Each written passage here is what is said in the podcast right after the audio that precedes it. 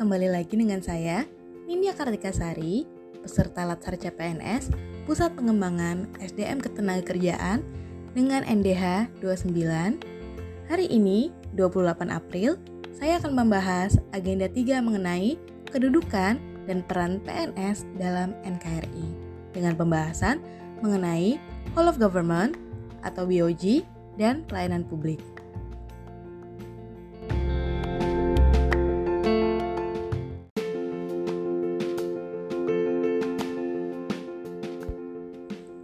Of Government adalah sebuah pendekatan penyelenggaraan pemerintah yang menyatukan upaya-upaya kolaboratif pemerintahan dari keseluruhan sektor dalam ruang lingkup koordinasi yang lebih luas guna mencapai tujuan-tujuan pembangunan kebijakan, manajemen program, dan pelayanan publik.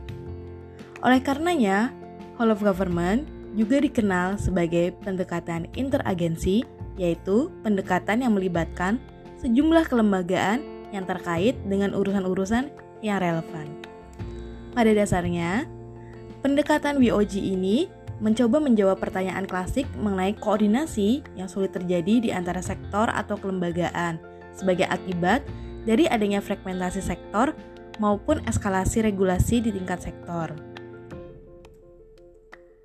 Untuk pelayanan publik sendiri, pelayanan publik adalah kegiatan atau rangkaian kegiatan dalam rangka pemenuhan kebutuhan pelayanan sesuai dengan peraturan perundang-undangan bagi setiap warga negara dan penduduk atas barang jasa dan atau pelayanan administratif yang disediakan oleh penyelenggara pelayanan publik.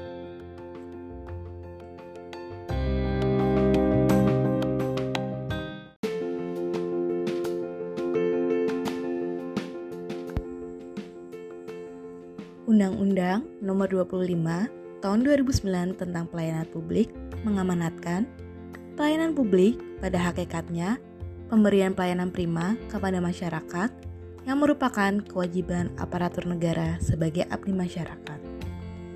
Pelayanan publik sendiri memiliki klasifikasi pelayanan administratif, pelayanan barang, pelayanan jasa, dan pelayanan regulatif. Merujuk pada pembahasan mengenai whole of government dan pelayanan publik, maka CPNS peserta Latsar diberikan tugas individu dan kelompok terkait pembahasan ini. Tugas individu berupa analisa isu instansi masing-masing terkait BOG dan pelayanan publik. Terkait isu instansi BP2MI, saya mengidentifikasi tiga isu, yaitu yang pertama, kurangnya koordinasi dan kolaborasi dengan Kemlu Dirjen Imigrasi, dan Kedubes Polandia terkait penempatan PMI.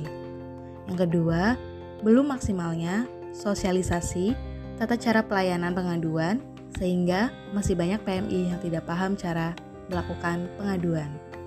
Dan yang terakhir, belum adanya pelayanan PMI satu pintu. Selain itu, terdapat pula tugas kelompok pembuatan video Worst and Best Practice mengenai manajemen ASN, Of Government, dan pelayanan publik yang dapat disaksikan besok pada 29 April 2021. Sekian dari saya untuk Learning Journal Agenda 3, Kedudukan dan Peran CPNS dalam NKRI dengan pembahasan mengenai Whole of Government atau WOG dan pelayanan publik.